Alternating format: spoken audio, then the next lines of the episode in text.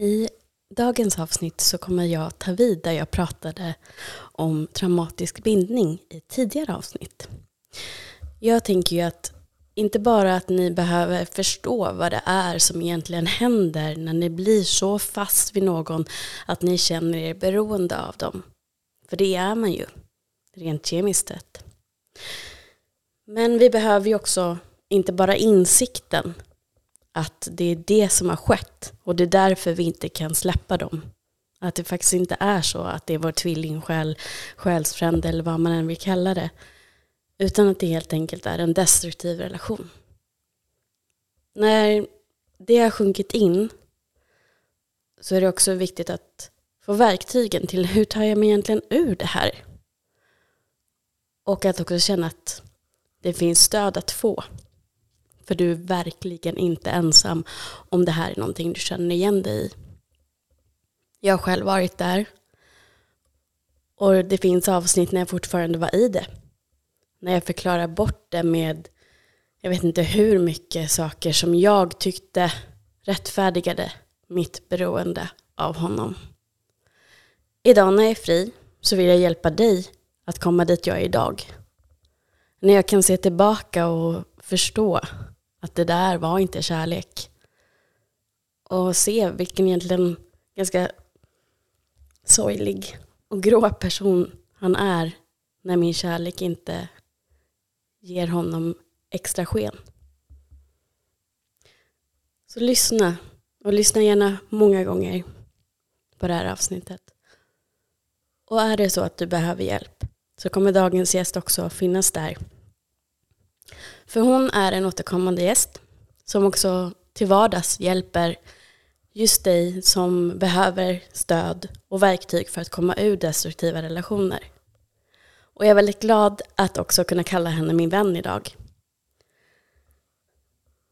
Klara Leger är beteendevetare med en kandidatexamen i psykologi. Och hon kommer att hjälpa mig idag att hjälpa dig att få verktyg till hur det kommer ut en traumatisk bindning.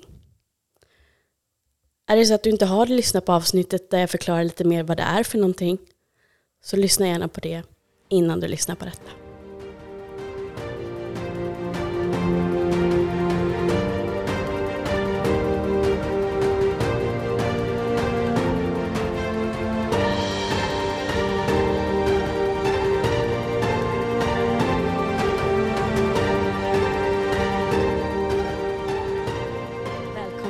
Tillbaka, Klara. Tack snälla, så kul att vara här. Vi har ju verkligen haft viktiga ämnen du och jag när vi har poddat tillsammans som har hjälpt många människor och vi har fått jättefin feedback som är mm. jättekul. Mm. Men framförallt jättehärligt att känna att eh, man kan hjälpa till och eh, ja, göra skillnad helt enkelt. Verkligen, verkligen. Och eh, till vardags så jobbar ju du som coach just mycket med människor som har antingen en destruktiv relation eller behöver hjälp att ta sig ur den. Mm. Precis. Jag jobbar ju mycket med det. Ibland kommer det in på andra ämnen också. Och det tillhör ju, det här handlar ju också jättemycket om självkänsla och jobba upp den igen. Hitta tillbaka till sin kärna igen. Och lite sånt som vi också kommer att prata om idag ju när man har haft väldigt mycket fokus utanför sig själv, att kunna hitta tillbaka och rikta fokuset tillbaka till sig själv. Så det blir också en stor del och säkert något vi kommer komma in på idag också. Exakt. Jag fick faktiskt en fråga idag och då tänkte jag just för att eh, just på att vi skulle spela in. Mm. För att det var en lyssnare som hörde av sig och frågade om jag kunde prata just om det här när man kommer ur en relation och känner sig sviken och, och då frågar jag om jag uppfattade henne rätt. Att är det så här att du behöver hjälp att få tillbaka, just som du precis sa, mm. fokus på sig själv istället för att ha fokus där ute och tänka på vad han, ja, i det här fallet då, han gjorde och hur mm. han svek mig och hur kunde han göra så här mot mig. Um, och också hitta tillbaka till den man är mm. efter en relation. Och nu vet jag inte om det var så att det var ett sviken på ett sätt som är mer, ja, det känns konstigt att säga normalt, men om vi ska jämföra med alltså, relationer med narcissister eller eh, så här riktigt giftiga personer. Men jag tänker det är egentligen samma sak ändå för att tappar du bort dig själv i en relation så behöver du oavsett hur den här personen har varit hitta tillbaka till vem du är och just blicka inåt istället för att liksom fastna där ute. För jag tror också att fastnar du där ute så hamnar du också gärna i en offerroll. Och det hjälper ju inte dig framåt. Utan du behöver hitta tillbaka till vem du är och vad du vill.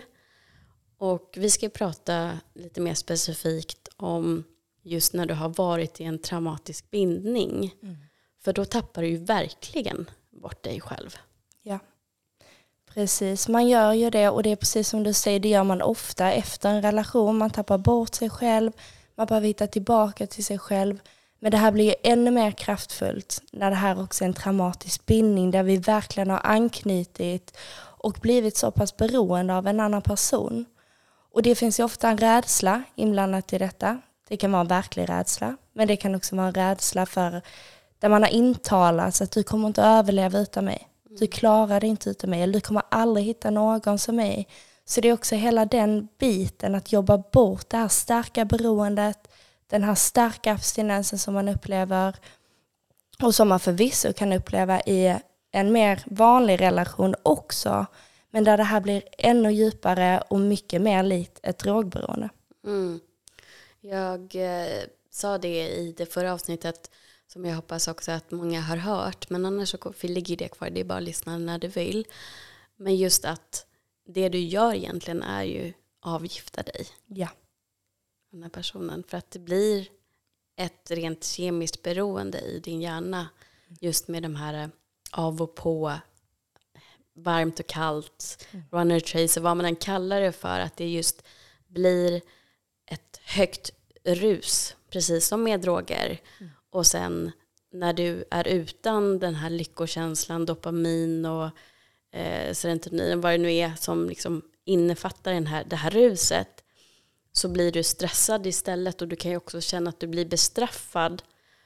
Och då hamnar du i väldigt mycket istället stress på kroppen. Verkligen. Det här är mycket som jag brukar beskriva det som ett, ett lotteri. Vi är villiga att investera vår tid, vi är villiga att investera våra pengar. För om vi vinner den här vinstlotten, då kan vi vinna något jättestort. Mm. Så vi står kvar och vi hoppas och vi väntar. Och så kanske vi får en, en liten vinst i form av en ny trisslott. Men den här stora vinsten kommer aldrig. Och det är det som är svårt att hitta en acceptans i det. Också en rädsla. Som, eftersom det här också är mycket personer som upplever en traumatisk bindning säger väldigt ofta att det här är magiskt mm. och det här är once in a lifetime. Och att lämna det innebär ju också att lämna något som man har byggt upp som väldigt, väldigt stort. Mm. Så det är ju också utmaningen i det här beroendet att inse att den här stora vinsten, den kommer inte att komma. Mm. Nej, för att om vi ska bara gå tillbaka lite grann till vad det är som händer när du fastnar i den här traumatiska bindningen så är det just att i början av relationen så blir du ofta kärleksbombarderad. Eh, du får otroligt mycket uppmärksamhet och det är då de här känslorna kommer som att jag har aldrig känt så här förut. Det är aldrig någon som behandlar mig så här bra. Jag har aldrig känt mig så sedd, hörd och så vidare. Vilket gör att du också bygger upp den här starka fantasibilden. Mm. Som också gör sen att du gör vad som helst för att komma tillbaka till det här. Men eftersom det oftast är en person som faktiskt bara spelar mm. så kommer inte det tillbaka utan du hamnar istället i det här stressen och, och liksom, ja, om man ska säga då topp så blir det då dalen som du hamnar i istället. Där du mår skit och då hamnar ju du i uh, avsaknad av ruset. Vilket om vi då jämställer igen med drogberoende är att du måste bara ha din drog igen. Så att du ger dig ut och, och har bara fokus på att jag måste ha det här igen. Precis. Jag, jag tror också så här att många personer som fastnar i det här, förutom då barndom, att det kan handla om att du faktiskt har utvecklat en traumatisk bindning till en förälder i tidig ålder, kanske har mer ambivalent anknytning så du är van vid det här mönstret. Att det också finns en rädsla för att känna in sina känslor. Så att man är van vid olika typer av flyktbeteenden och det kan vara shopping, det kan vara kärleksrelationer. Vi kan ju fly på väldigt många olika sätt och inte minst idag, vi kan fly in i tvn, vi kan fly in i våra telefoner. Så det här blir också en, en slags flykt att komma in i den här relationen. Och när man då ska, ska ur den och uppleva abstinensen så är det så obehagligt för det är så enormt mycket känslor på en och samma gång. Och att då istället försöka fly de känslorna som man har vant sig vid, också vid relationen. Snabba kickar, det här beroendet, känslan av att man faktiskt undviker sina känslor som man nästan måste göra. Det blir ju väldigt framträdande.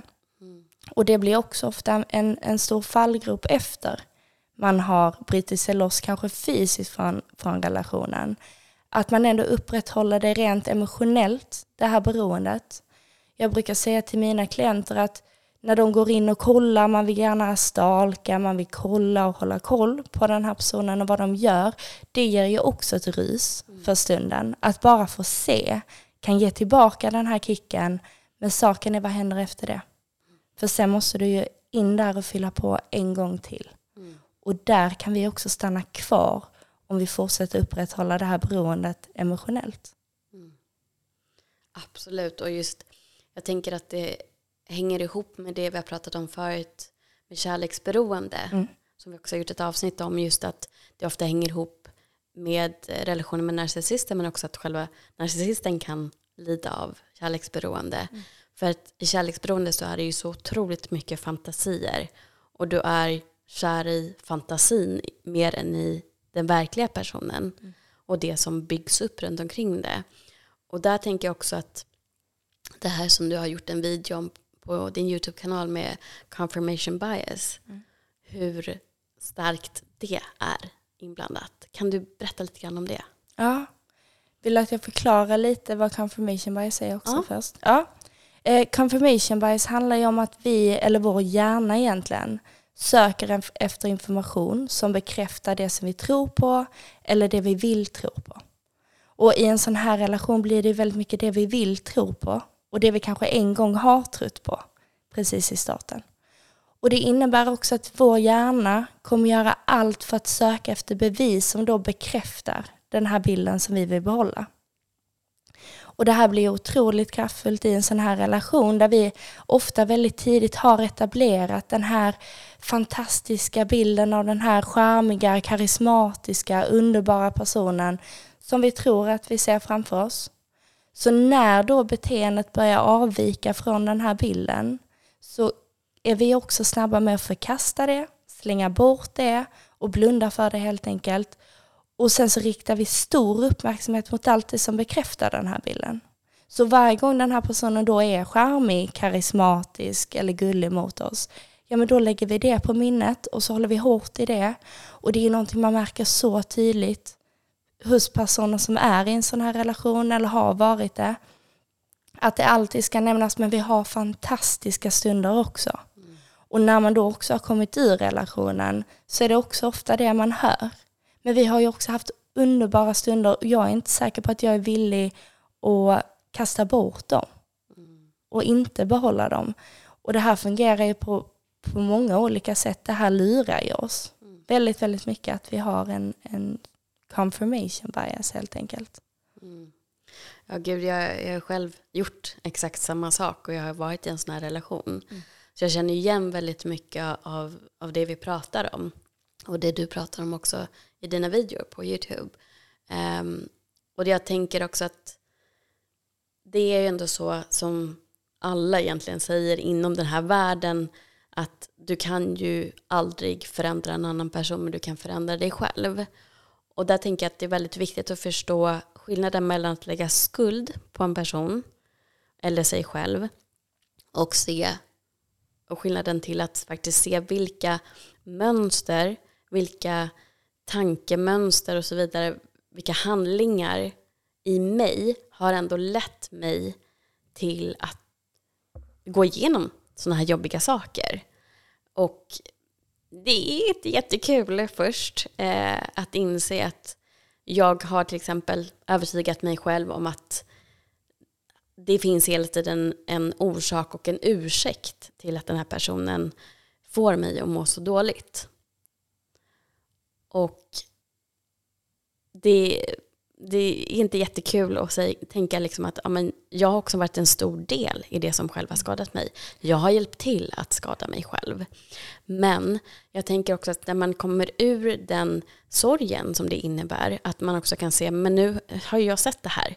Nu har jag faktiskt möjligheten att förändra det här och läka det i mig som gjorde att jag var som mest mottaglig för det här. Vad är det mig som gör att jag hellre känner mig trygg i en fantasi än i en verklig och en sund relation? Mm. Varför är det så bekant med det som faktiskt gör mig illa som gör att det i sådana fall uppfattas av mig som tryggt? Mm. Och jag tycker det är jätteviktigt att du som lyssnar förstår det att vi båda som sitter här idag har själva gått igenom det här vi lägger ingen skuld på dig utan vi vill dela med oss av det vi säger och det vi har lärt oss både i böcker, och psykologi, lektioner och så vidare men också av det vi har lärt oss genom att vända blicken inåt på oss själva. Mm. Absolut, och det du säger är jätteviktigt. Och det handlar ju som sagt inte om att skuldbelägga men att observera skulle jag snarare säga. Mm. Och där blir det ju minst lika viktigt för oss att observera oss själva. Kanske också med ett mer nyfiket, på ett mer nyfiket sätt. Mm. Att nyfiket kolla inåt och fråga sig vad är det jag har varit med om som har gjort att jag hamnat här? För det är inte, det är ju ofta, det grundar sig på någonting. Det grundar sig på trauma. Det grundar sig på att du känner igen det här.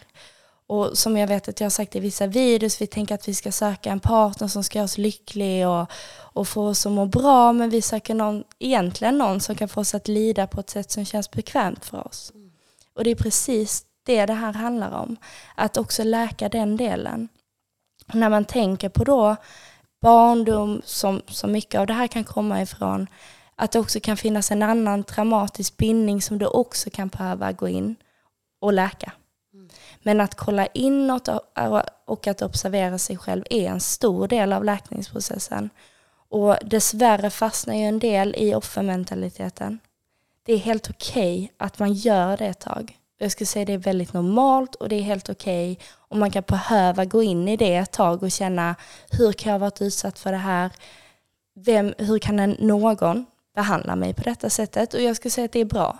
Att du känner så, att du får den självbevarelsedriften i det också. Kanske ilskan också, för det är också en motiverande känsla.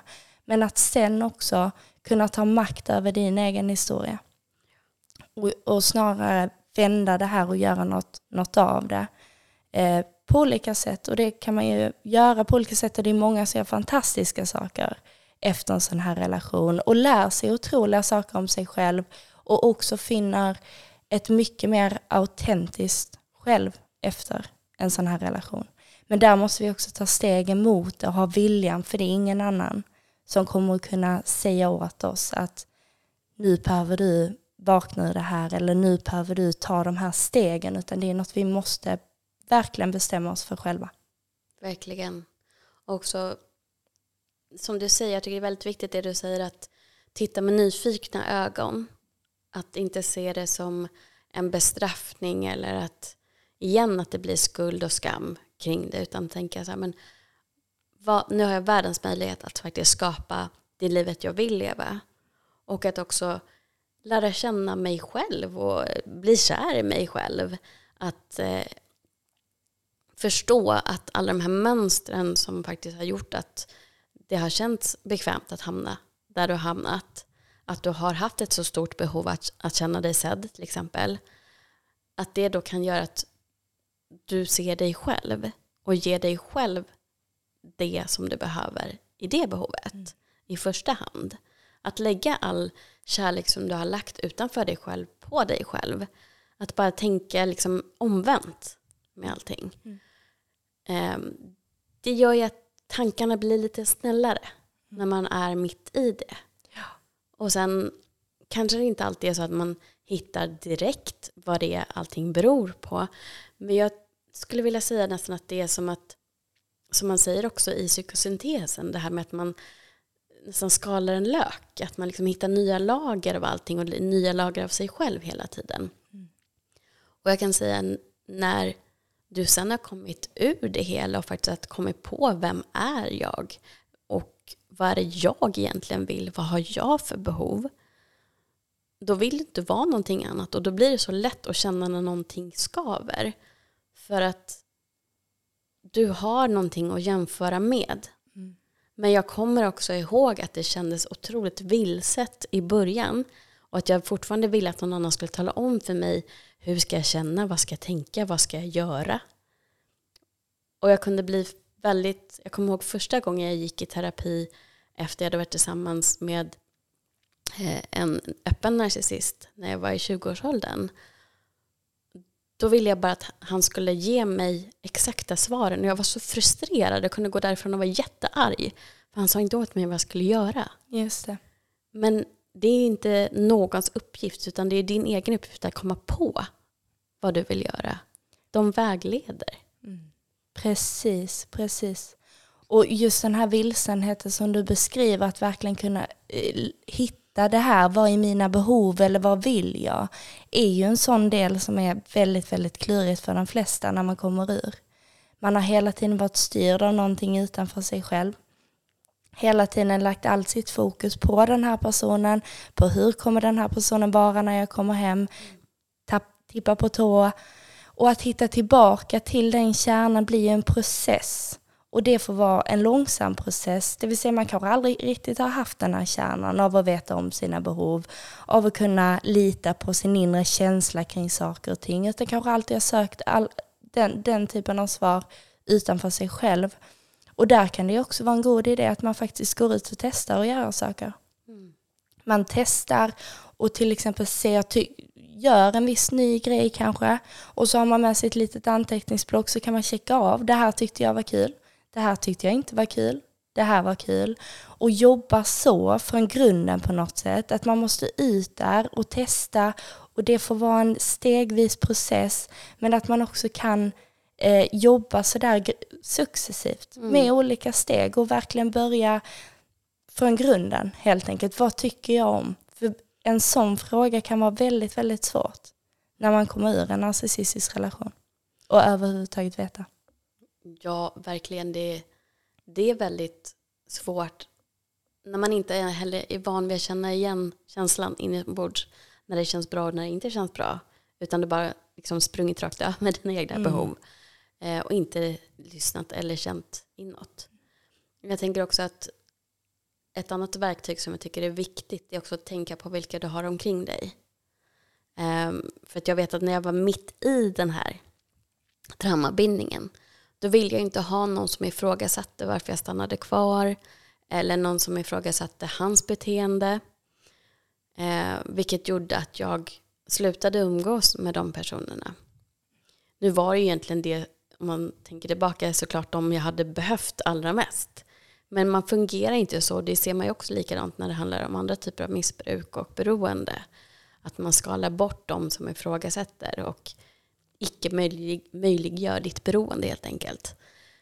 Så att där är att man gör tvärtom och faktiskt bjuder in dem som har varit där och visat kärlek på det sättet att de har brytt sig om dig och sett utifrån att det här är någonting som inte står rätt till. Nu gör du illa dig själv eller den, här, den andra personen gör illa dig.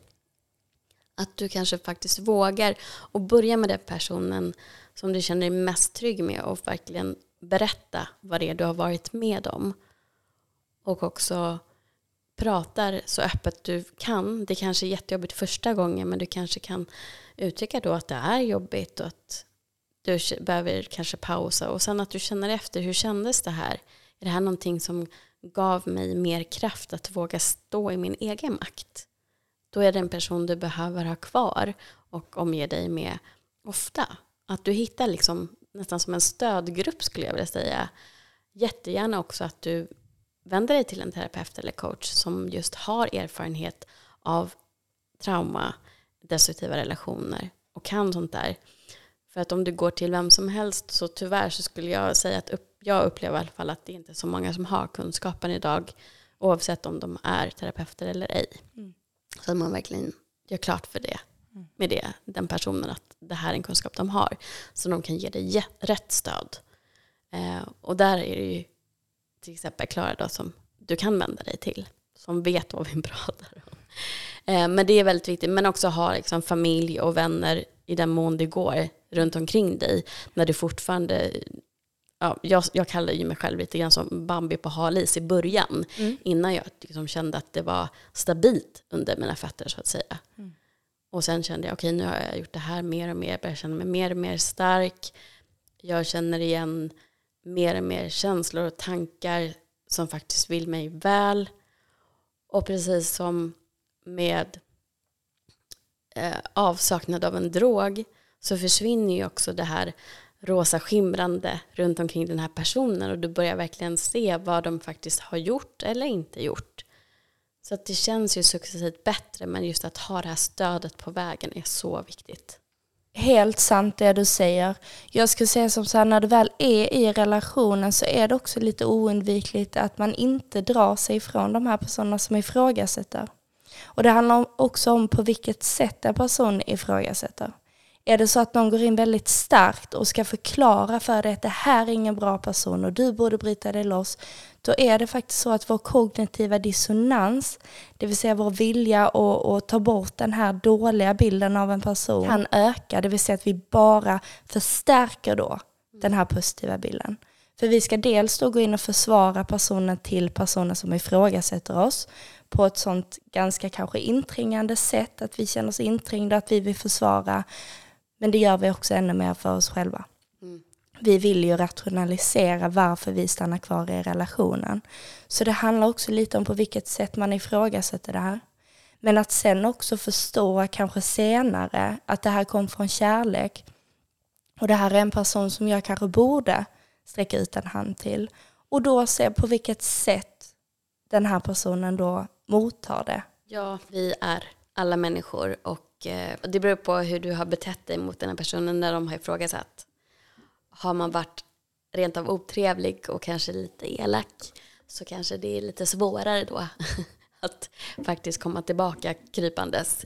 Men med det sagt inte att du inte ska försöka. För jag tänker att har man en, en vänskap och en kärlek i grunden och de får en förklaring och de förstår då kommer ju de också förstå varför du har gjort som du har gjort och kan också då bli mer trygg med att vara ännu mer öppen med vad de faktiskt har sett och därmed också hjälpa dig emot den här kognitiva dissonansen och faktiskt förstå men det här var det som hände egentligen. Precis. Och det är en väldigt viktig del också när man ska bryta den här traumatiska bindningen att faktiskt kunna sätta ord på det som har hänt eller ha hjälp av någon annan som sätter ord på det som har hänt. Att också kunna förklara att vet du vad, det här är psykisk misshandel som du har varit med om. Och, och det kan komma som en chock, framförallt för man är så inne i det här. Man lägger enormt mycket skuld på sig själv. Det är mycket skam inblandat också när man upplever en traumatisk bindning. Men att bara få höra det här och kunna få en, en mer klar bild över vad, vad den här personen faktiskt har gjort mot en vad det här är för typ av beteende, det är också en viktig del av läkningen. Både då för att bryta den traumatiska bindningen men också den kognitiva dissonansen, att vi får en mer klar och tydlig bild också för att kunna reducera det här hoppet som vi pratade om tidigare och det kan sitta kvar långt efter. Och där är det viktigt att vi också får verbalisera och det är många som jag pratar med som när de väl börjar prata om det här säger det här låter helt overkligt. Jag, jag hör ju hur det här låter. Men att bara få säga det högt, för det är också någonting som ingår dessutom i en traumatisk bindning att man inte vill berätta i många fall. Man vill inte berätta om de här jobbigare händelserna utan man kanske delar med sig av det som är bra, kanske delar med sig av vissa små saker som uppstår i relationen men inte de här riktigt tuffa grejerna som man också är med om på grund av en rädsla för hur en annan person kommer att bemöta det. Så det visar ju också att någonstans inom oss så känner vi ofta att det här är ingenting jag kan gå ut och berätta, för jag vet att det här inte är bra. Men att man då senare, vid ett senare tillfälle kan börja plocka fram det här och på riktigt och mer ärligt förklara att det här har jag varit med mm.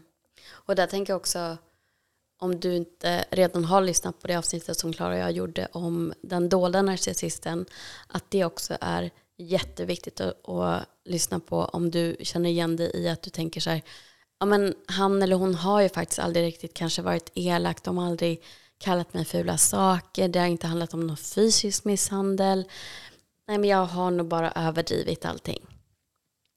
Och att man då också förstår att nej men det, det är så mycket mer som är psykisk misshandel. Det är inte bara fula ord, utan det är också när den här personen ignorerar dig när du är ledsen. Eller när de tycker att du har gjort någonting som de inte godkänner, eller vad man ska kalla det för. Och så möts du av tystnad och du börjar undra vad, vad har jag gjort fel? Och du börjar leta i ditt minne. Har jag sagt någonting? Har jag gjort någonting? Eh, vad, vad, är det jag har gjort? Vad är, vad är felet? Varför svarar han eller hon inte på mina meddelanden? Och så får du den här jättestressen i kroppen. Det är också psykisk misshandel. Ja. Precis. Och där kan man behöva hjälp, precis som du är inne på, med den speglingen. Med mer hälsosam spegling i det. För det här att vi ofta isoleras på ett eller annat sätt gör det inte enklare heller att förstå. Att vi dessutom känner skam eller skuld, vilket också tystar ner oss. Där behöver vi ju en annan typ av mer hälsosam spegling tillbaka för att verkligen förstå. Kunna se någon annans reaktion också. Mm. I de här situationerna när man kanske berättar om att den här personen ignorerar mig medan jag satt på golvet och grät. För det ger också väldigt mycket eh, insikt och förståelse i det som man inte längre ser. För det är ju också det det handlar om, att man ser ju inte det här längre. Det blir normaliserat, man kan ha en känsla kring att det här känns inte helt rätt, men det känns fortfarande normalt efter ett tag. Exakt, det är ju en del av processen, den normaliseringsprocessen. Precis. Plus att de erkänner ju aldrig, de, det här är personer som inte någonsin står för vad de har gjort fel. Utan du får ju höra eh, tvärtom det här, eh, alltså gaslighting-processen att nej men jag, jag har aldrig gjort någonting för att såra dig. Jag skulle aldrig göra det. Jag, jag stöttar dig och jag kommer alltid finnas här för dig. Det här, nu tar jag rent faktiskt av min erfarenhet, mm. vad jag fick höra. Och då började jag också ifrågasätta och gaslighta mig själv. Mm. Har jag överdrivit nu? Är det, är det verkligen någonting som han har gjort? Eller är det någon gammal erfarenhet som nu spökar som gör att jag överdriver min reaktion för det här? Eh, och hade ju, jag var ju liksom expert på att hitta förklaringar till varför jag hade överdrivit eller missuppfattat eller ja, vad det nu är för någonting. Så att tyvärr i det här också när man övertygar sig själv så finns det ju väldigt mycket sådana tankar. Och jag tänker ju mer kunskap du har, desto mer kan du också stå fast vid att nej, det här gjorde mig jätteledsen. Och absolut borde du ha förstått det. Och har jag egentligen någonsin fått en ursäkt? Nej, det har jag inte. Mm. Alltså är någonting fel. För en sund person i en sund relation säger förlåt mm.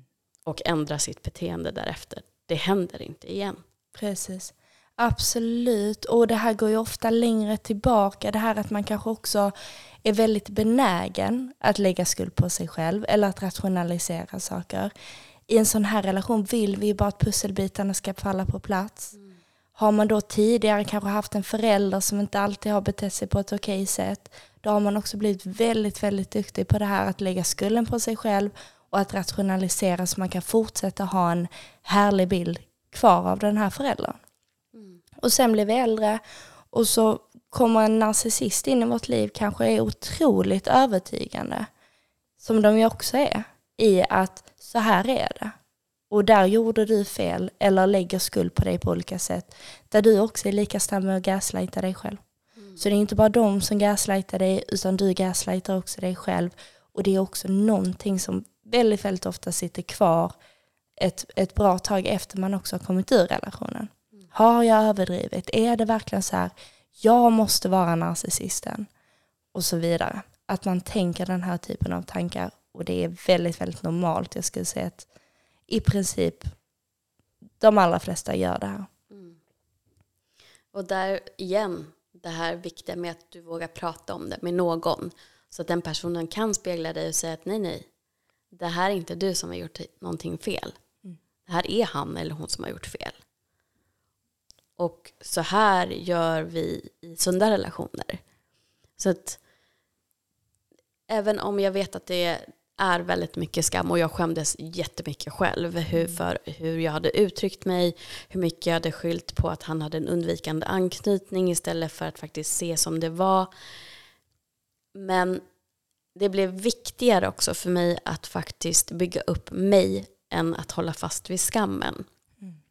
Jag tror att om vi gräver djupt i oss själva ska man ändå hitta den här överlevnadsinstinkten som gör att du hittar tillbaka till att nej, det här spelar ingen roll vad någon annan säger. Jag känner att det här var fel, därför är det inte acceptabelt. Men också som du också är inne på, att det finns flera stadier innan man når dit som man måste gå igenom och att det tar tid. Och det tror jag säkert är väldigt individuellt också beroende på vad det är de här olika sakerna bottnar sig i. Om det är så som Klara säger att du har växt upp med en förälder som hela tiden får dig känna skuld och skam och du har liksom nästan normaliserat att känna de känslorna före att känna att det här var inte rätt, det här är inte rättvist och det här funkar inte för mig. Då måste ju liksom hela tiden när du når de känslorna observera för att kunna förändra de tankemönstren som leder till de här känslorna. Så det är så mycket som ändå ska rewires och liksom mm. dras om, eller vad man ska säga. Så att du får göra om det som du associerar mm. till olika saker. Och det är därför det är så himla bra också att ha någon som vägleder dig, som kan observera åt dig innan du har lärt dig att göra det själv. Mm. Absolut. Skriva är också ett verktyg som fungerar jättebra för många, att man faktiskt också får skriva ner det, för det kan bli mycket tydligare än när vi tänker saker bara i vårt huvud att faktiskt också få dok dokumentera lite och kanske också dokumentera hur går mina dagliga tankar. Är det skuld jag lägger på mig själv? Är det en massa skam inblandat här? Lägg märke till det då. Det kan också vara bra att veta att det är ett, ett typiskt symptom efter att man har upplevt en sån här relation. Men att när man också ser det och kan bli medveten så kan vi också börja förändra eller jobba med det. Mm.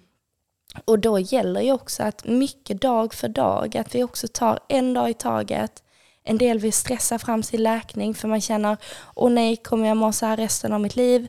Kommer jag alltid sakna denna personen? Och så stressar man eh, fram och försöker stressa fram en läkningsprocess. Men att det också blir viktigt att vara och försöka stanna kvar i nuet i den mån det går. Mm. Och det är också viktigt för att jobba på det här hoppet eller på den här fantasibilden vi har av personen. För att kunna grunda oss i hur är den här personen just nu? Vad är det den här personen säger till mig just nu? Och likaså då, vad är det jag säger till mig själv just nu? Att man hittar medvetenhet, som vi har varit inne mycket på, åt båda hållen. Mm. Och också tänker jag en viktig sak så att man använder som verktyg är också den här lilla fina blockeringsknappen. Att du faktiskt på alla sätt som det går blockerar den här personen för att ta kontakt med dig för att du också ska bli helt fri och kunna tänka klart igen.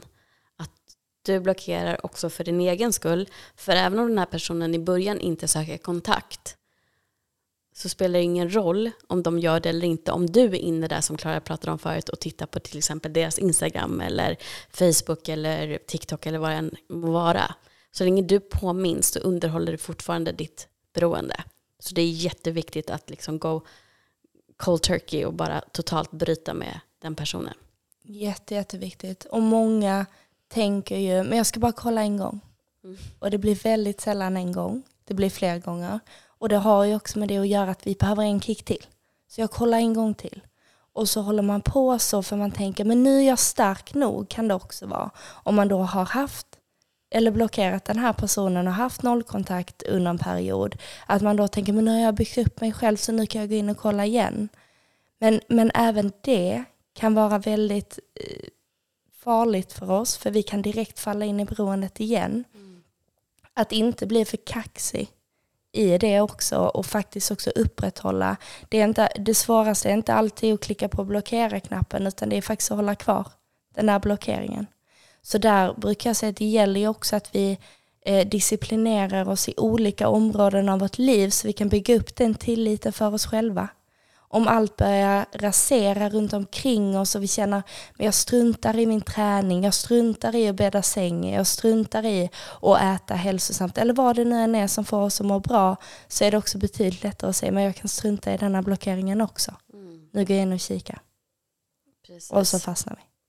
Så därigenom du känner ett jättestarkt sug till att gå in och titta på den personen. Observera vilka tankar som går. För jag vet att jag sa ju till mig själv att jag ska bara kolla hur det känns när jag ser honom. Och ja, jag kan säga att ännu längre fram när jag gjorde det och märkte att jag inte kände någonting och det var som att jag såg en bild på en annan person.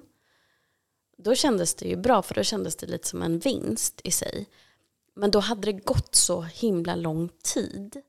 Så det var inte förknippat knappt ens med någon ilska eller något hat längre utan det var liksom väldigt neutraliserat. Men när jag gjorde det för tätt inpå då rev det igång otroligt mycket sådär som att jag ville, jag ville skydda alla andra tjejer som följde honom från att hamna där jag hade varit.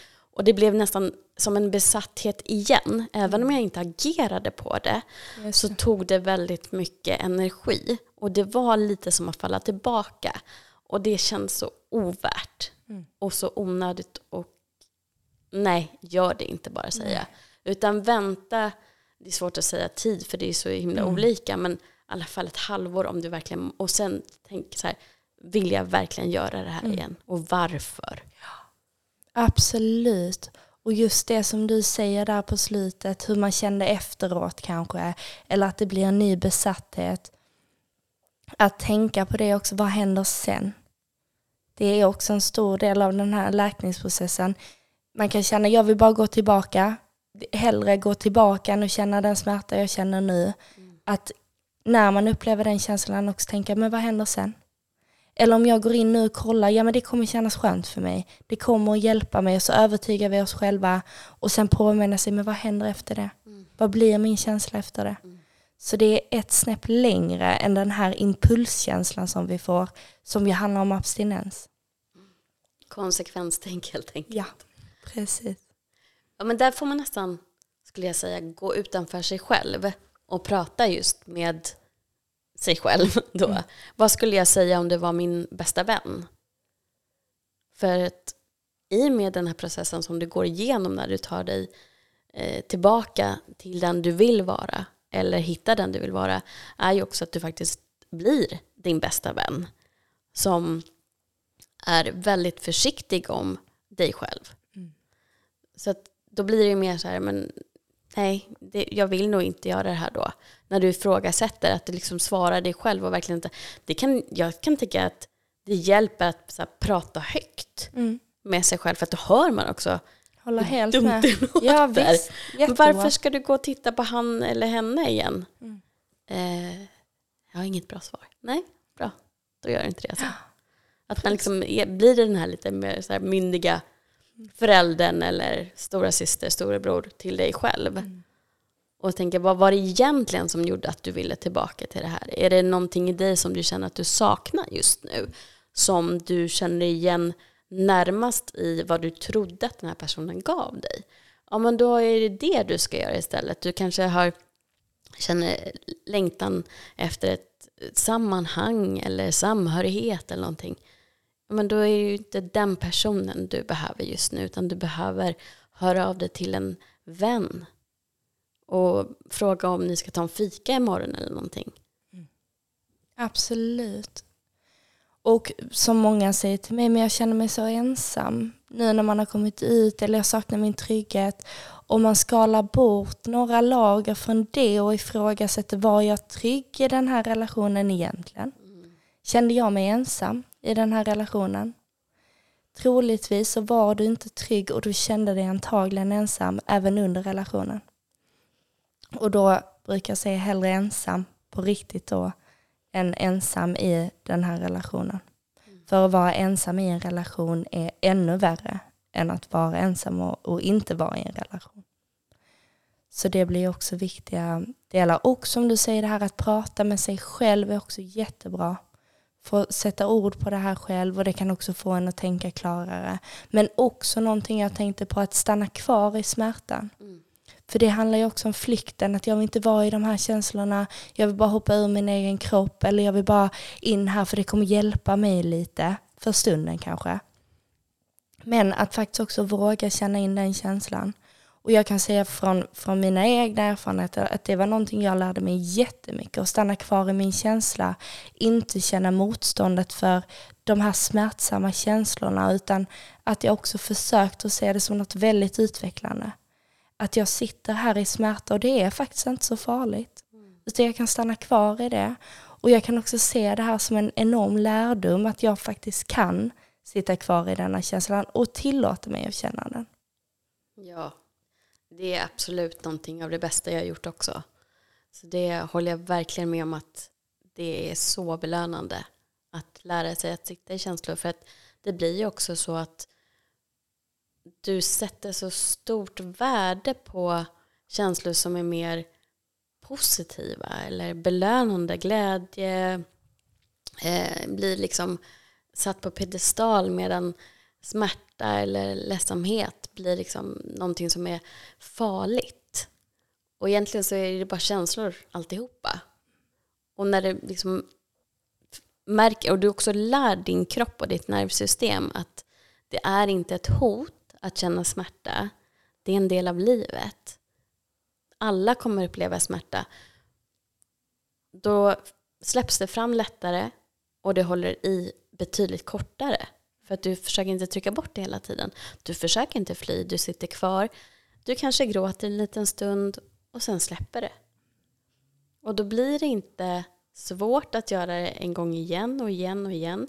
Och det tappar liksom sin spänning runt omkring den här känslan. Det blir inte läskigt att känna smärtsamma känslor. Nej. Precis så. Precis så. Och det är också utmaning för de här Eh, glada känslorna behöver vi ofta inte arbeta lika mycket med utan de är där och de är härliga att känna men att mer jobba med de här ångestfyllda skamkänslor, skuldkänslor, sorg, alla de känslorna ger ju oss också mycket makt över oss själva och i livet när vi tar oss fram genom livet. Att vi också känner oss trygga och bekväma med att vi klarar av även de känslorna. Och att kanske inte tillskriva känslor så mycket, det här är positivt och det här är negativt. Utan som du säger, det här är en känsla och den är okej. Okay. Och jobba på det här att också omfamna och ta hand om den känslan. Mm. Och framförallt då om man är eh, benägen att fly väldigt mycket från sina känslor. Att också lägga märke till lite hur flyr jag från mina känslor. Mm. Vad är det jag gör för att jag ska undvika känna det här och ta det en liten stund och öva på att faktiskt sitta eh, i de här känslorna mm. och jobba på det. Precis. Och där tänker jag också på ett avsnitt som kommer komma innan de här avsnitten eh, där Per berättar om hur han lärde sig att känna känslor och sitta med känslor efter han eh, blev nykter. Så jag menar, det kommer ju liksom igen hela tiden att vi hamnar i dåliga situationer och olika typer av beroenden, det vill säga flyktbeteenden, när vi inte får lära oss att sitta med känslor och att vi värderar känslor olika. Så att det gynnar ju alla personer att lära sig det här. Och där går ju också hand i hand med att du kan lära dig förstå vad det är som har hänt. Du kan förstå till exempel vikten av en trygg anknytning. Att jobba dit om du har en otrygg anknytning. Och lära dig allt om narcissistiska relationer och så vidare. Men det är bara den ena delen. Den andra delen är ju också att lära om nervsystemet, att du inte längre är i överlevnadsmode, att du inte lever på flykt så att säga. Mm. Så att du också blir av med de här fysiska symptomen som vi inte alltid kopplar ihop med en kronisk stress som det ändå blir i en sån här relation. Mm. Eh, och du kanske har problem med matsmältningen, du kanske har svårt att tappa i vikt om du har eh, övervikt, du kanske har ut, eh, utslag i huden, problem med akne, eh, infl ständiga inflammationer och så vidare. Och så sitter du och letar efter Um, ja, men det kanske är att jag eh, äter fel, jag kanske har glutenintolerans och så vidare. Och så sitter du och letar liksom utanför dig själv hela tiden igen. När det i själva verket är att din kropp har trott att du lever på flykt så länge för att du har varit i en traumatisk bindning. Mm. Så att den vågar inte slappna av, utan nervsystemet är hela tiden på high alert. Mm. Och där finns det också såklart massa saker som inte vi hinner ta upp idag, som du kan göra för att också lära ditt nervsystem att, det, att du är trygg nu. Mm. Det kommer inte hända någonting. Men bland annat då kan man också tänka på sin andning. Mm. Det hjälper väldigt mycket. Och som akut tips just till exempel om du har svårt att sova tänker jag. För det kan ju vara väldigt mycket tankar i en sån här process. Mycket. Som inte låter dig att sova och du kan vara jättetrött och det bara maler och maler och du övertänker. Och du får inte riktigt kroppen att slappna av. Att sätta på lite lugn musik eller kanske en video på YouTube eller någonting med regnljud till exempel. Eh, och ha kanske en guidad meditation eller att du bara lär dig olika andningstekniker. Det tycker jag i alla fall personligen har varit väldigt, väldigt hjälpsamt. Mm. Att med djup, långsam andning lära kroppen att du är trygg, du kan slappna av, jag kan sova nu. Ja, väldigt hjälpsam metod just med meditation, mindfulness och det hjälper också i den traumatiska bindningen att ta oss tillbaka till känslorna här och nu, att hitta tillbaka till vad vi upplever här och nu, vilket blir ett viktigt verktyg att ta med oss. Och, och också för att lära dels kroppen som du säger men också för oss att lära oss att känna in våra egna känslor. Och likaså en promenad och den här framåtsträvande rörelsen är också något väldigt bra och kan också fungera lite meditativt så att vi bara får gå framåt och, och känner att vi går framåt. Så det är också ett tips och det kan man ju göra ibland när man känner att nu behöver jag varva ner lite och ta den luften och, och gå ut och gå. Mm, exakt. För det är också så, jag vet att jag hade väldigt mycket ångest när jag var min traumatiska bindning. Och det är ingenting jag haft egentligen särskilt mycket av innan och ingenting efteråt. Så där hängde det också väldigt mycket ihop med att min kropp ville springa. Och jag kan säga så här, jag gillar inte att jogga eller löpa annars. Men just när det var ångestpåslag för mig i det här, till exempel när jag blev ignorerad och inte förstod varför. Om jag gick till gymmet och ställde mig på löpbandet och bara sprang kunde vara intervaller eller någonting, men fick springa. Då var det som att jag stärkte mitt eget försvar gentemot den här smärtan. Och det försvann. Så att jag tycker också, oavsett vad man tycker om eller inte tycker om för träning, att du hittar någonting som funkar för dig.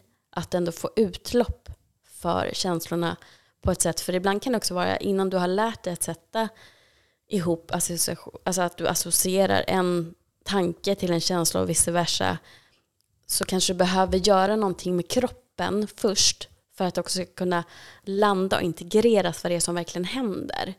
Så att du förstår sen intellektuellt, okej okay, nu var det det som hände för det var tydligen den här känslan, det var där och där i kroppen. Som till exempel för mig vet jag att det var jag kunde känna att det drog i armarna när jag hade ångest. När jag kände sorg så var det som ett tryck över bröstet. Det är olika. Men att jag har faktiskt fått sätta mig ner och lära mig fysiska symptom på mig själv. För att kunna koppla ihop det. Det var inte någonting som hände över en natt eller någonting jag kunde innan. Det spelar ingen roll hur, hur känslosam eller känslostyrd du är. Du kanske inte alltid förstår vad som händer ändå. Och att då kunna gå iväg och röra sig på valfritt sätt hjälper väldigt mycket. Så att även om det är så här att du, ja men jag tycker att det är kul att gå ut och dansa, men gör det, rör på det bara. Tycker du om att löpa, löp. Tycker du om, som jag, thaiboxning och få slå och sparka, mm. gör det. Just det. Eller träna i styrketräning så att du känner dig att du är fysiskt stark också. Det hjälper också väldigt mycket med att stärka eh, din självkänsla. Absolut. Och det behöver du ju verkligen göra efter en traumatisk vinning. Mm. Och just det här att kanske nå personliga mål för oss själva. Ja, men jag kanske springer och jag kanske sätter ett mål att jag vill springa så här långt eller på den tiden. Mm. är också väldigt bra och framåtsträvande och något där vi känner att det här har jag gjort själv. Mm. Här har jag visat för mig själv att jag kan. Och jag klarar det här visst. Och, och där byter man ju också ut, när du pratar om träning, en ganska ohälsosam kick mot en mer hälsosam kick. Som vi kan få av träning. Eh, och som vi dessutom också kan ge till oss själva och, och genom oss själva. Så, så träning är jättebra, rörelse är jättebra och just att jobba på att hitta det här som kan få dig att kanske sätta egna mål för dig själv, vilket också kan stärka upp dig själv och där du också gör någonting för dig själv. Mm. Verkligen 100 procent. Och det är ju såklart att jag kommer ju säga, prata gott om den träningen jag gör för att jag tycker att det ger mig. Men jag kan ju inte tala för att någon annan träning skulle vara mindre bra. Jag, tänk, jag tror bara att det handlar om det som får dig att känna dig mentalt starkare och även fysiskt starkare kommer hjälpa dig att bygga upp din självkänsla igen. Du kommer bli mer ehm, vad heter det, resilient, att du liksom Äh, motståndskraftig motstånd. Ja, eh, mot människor som inte vill det väl. Du kommer också känna starkare i ditt jag, vem du är och vad du vill. Och det blir lättare att, att sätta gränser som också är en jätteviktig sak att lära sig. Ja. För gränssättning, oj vad jag ser, inte bara hos mig själv men också hos människor som jag kommer i kontakt med genom podden, att det är så många som inte kan. Verkligen, verkligen. Och det har ju också mycket med vår identitet och vår kärna att göra. Att vi inte riktigt har koll, eller som du säger att du kunde lära dig hur ångesten kändes i din kropp. När vi får en sån känsla av obehag så är det ofta en indikation på att det här är en gräns för mig. Det behöver inte vara en gräns för dig. Men för mig är det det, för jag känner ett obehag. Och, och varje känsla som vi har är kanske inte rationell. Om jag ska gå ut på gatan och känner mig livrädd varje gång jag ska gå ut på gatan för jag ska bli nedslagen så är kanske inte det rationellt. Eh, men det är fortfarande min känsla och jag behöver fortfarande acceptera och jobba med den. Så att vi ändå försöker att lyssna på den här känslan vi får, hitta en acceptans för den och sen också sätta våra gränser därefter för de kommer ofta från vår historia. Att vi har varit med om saker och ting som gör att jag är extra känslig eller sårbar för en sån här situation. Jag kanske är extra känslig eller sårbar för saker som eh, att en person eh, pratar i mun på mig.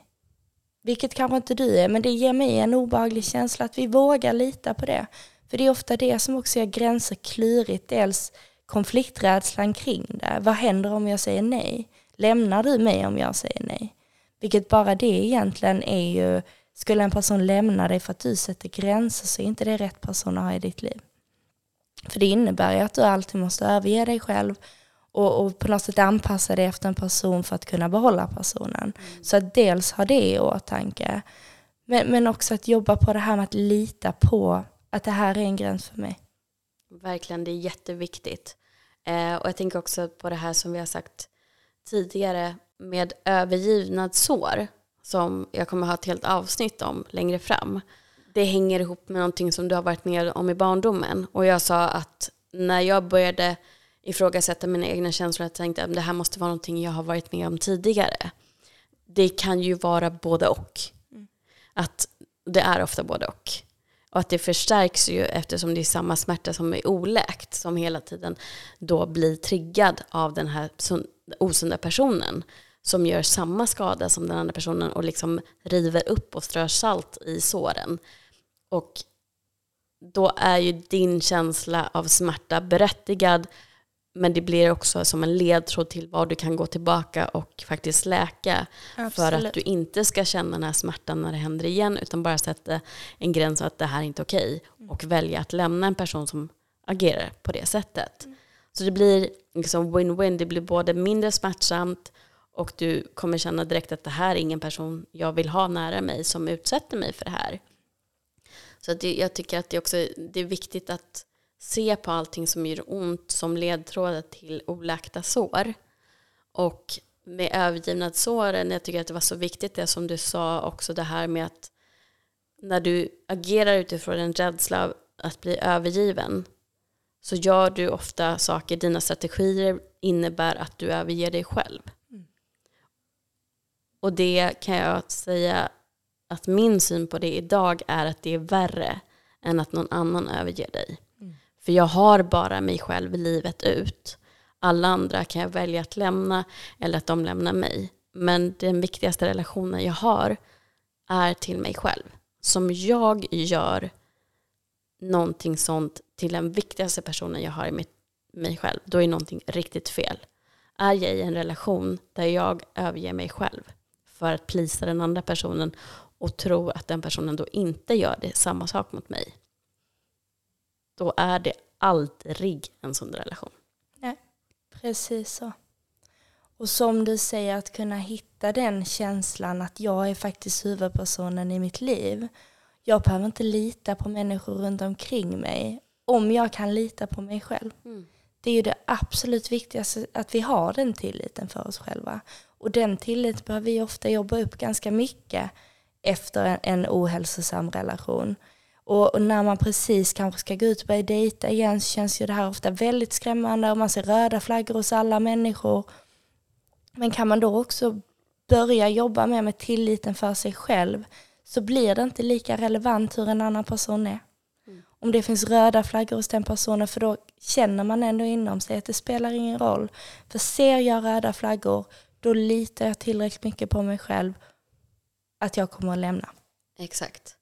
Och där kan jag se så himla stark skillnad på mig själv.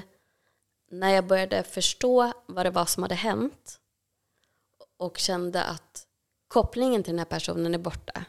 Jag förstår att det jag kände var inte äkta känslor.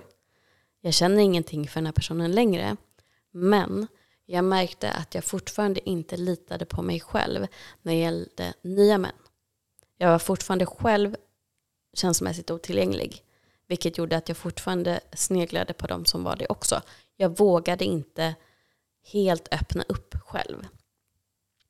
Och nu när det gått drygt ett år så kan jag säga att jag är inte längre rädd. För jag litar på att jag kommer se de här tecknen och inte blunda för de röda flaggorna. Utan jag kommer välja att nej, det här är inte för mig, jag går. Mm. Och ibland kan man nästan behöva spela det här till en början för sig själv. Det vill säga, din kropp eller din hjärna kommer inte vilja dra sig ifrån det här. För det kommer kanske ge dig den här kicken som du är van vid. Eller du kommer känna intresset eller passionen eller vad det nu än är som känns tryggt för dig hos personen. Men att ändå kunna lokalisera det när man är medveten då, medveten om sina mönster och ändå se sig själv ta steget bort mm. bygger ju också sakta men säkert upp dig själv. Mm. Vi ser oss agera och därefter drar vi slutsatser om hur vi är. Och, och så fungerar ju det här mycket också. Vi behöver arbeta ständigt och ju mer vi ser oss agera ut efter oss själva, att vi sätter oss själva först, desto mer får vi också en känsla av att jag är faktiskt en person som litar på mig själv och som sätter mig själv först. Mm.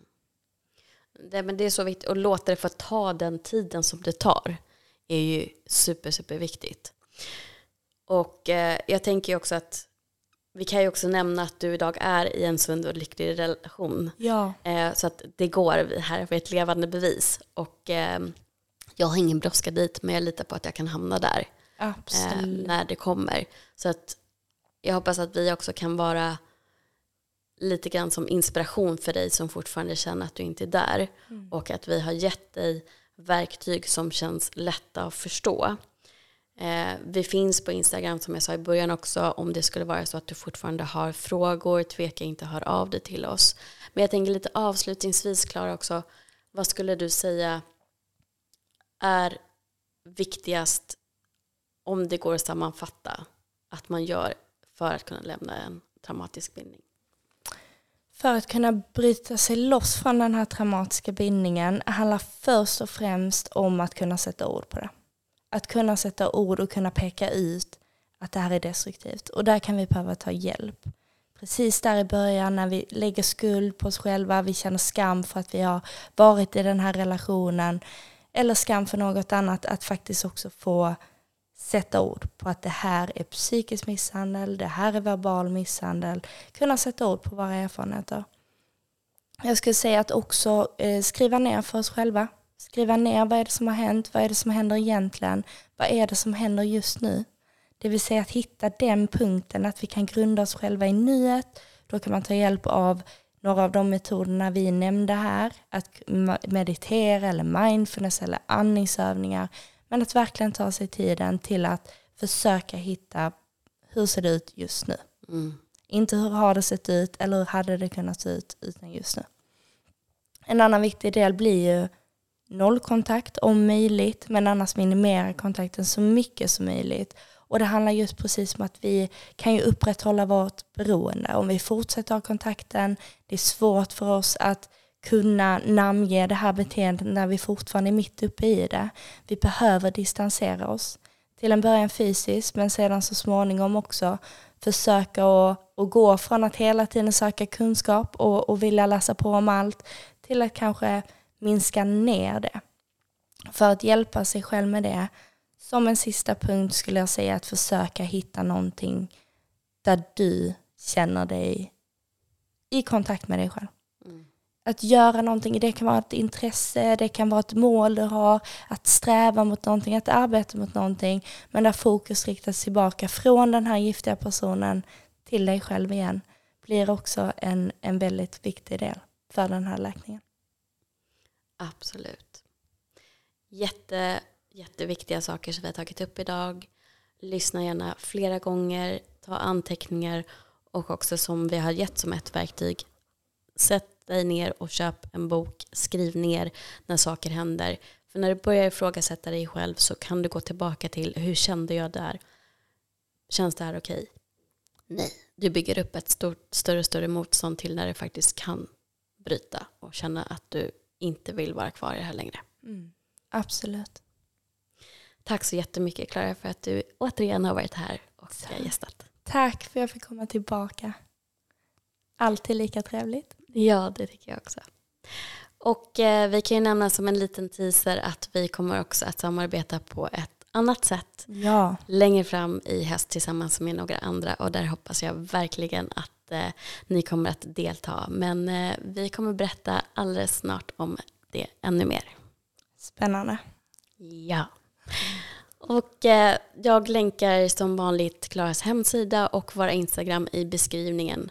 Är det så att du vill söka ännu mer kunskap så sök på traumatisk bindning, trauma bond på Instagram eller på Google så kommer du också hitta mer information. Och eh, tveka som sagt inte att höra av dig om du behöver lite vägvisning, vägledning och eh, också att höra av dig till Klara för coachning. Ja, precis. Som vanligt, Tills vi hörs igen, ta hand om dig.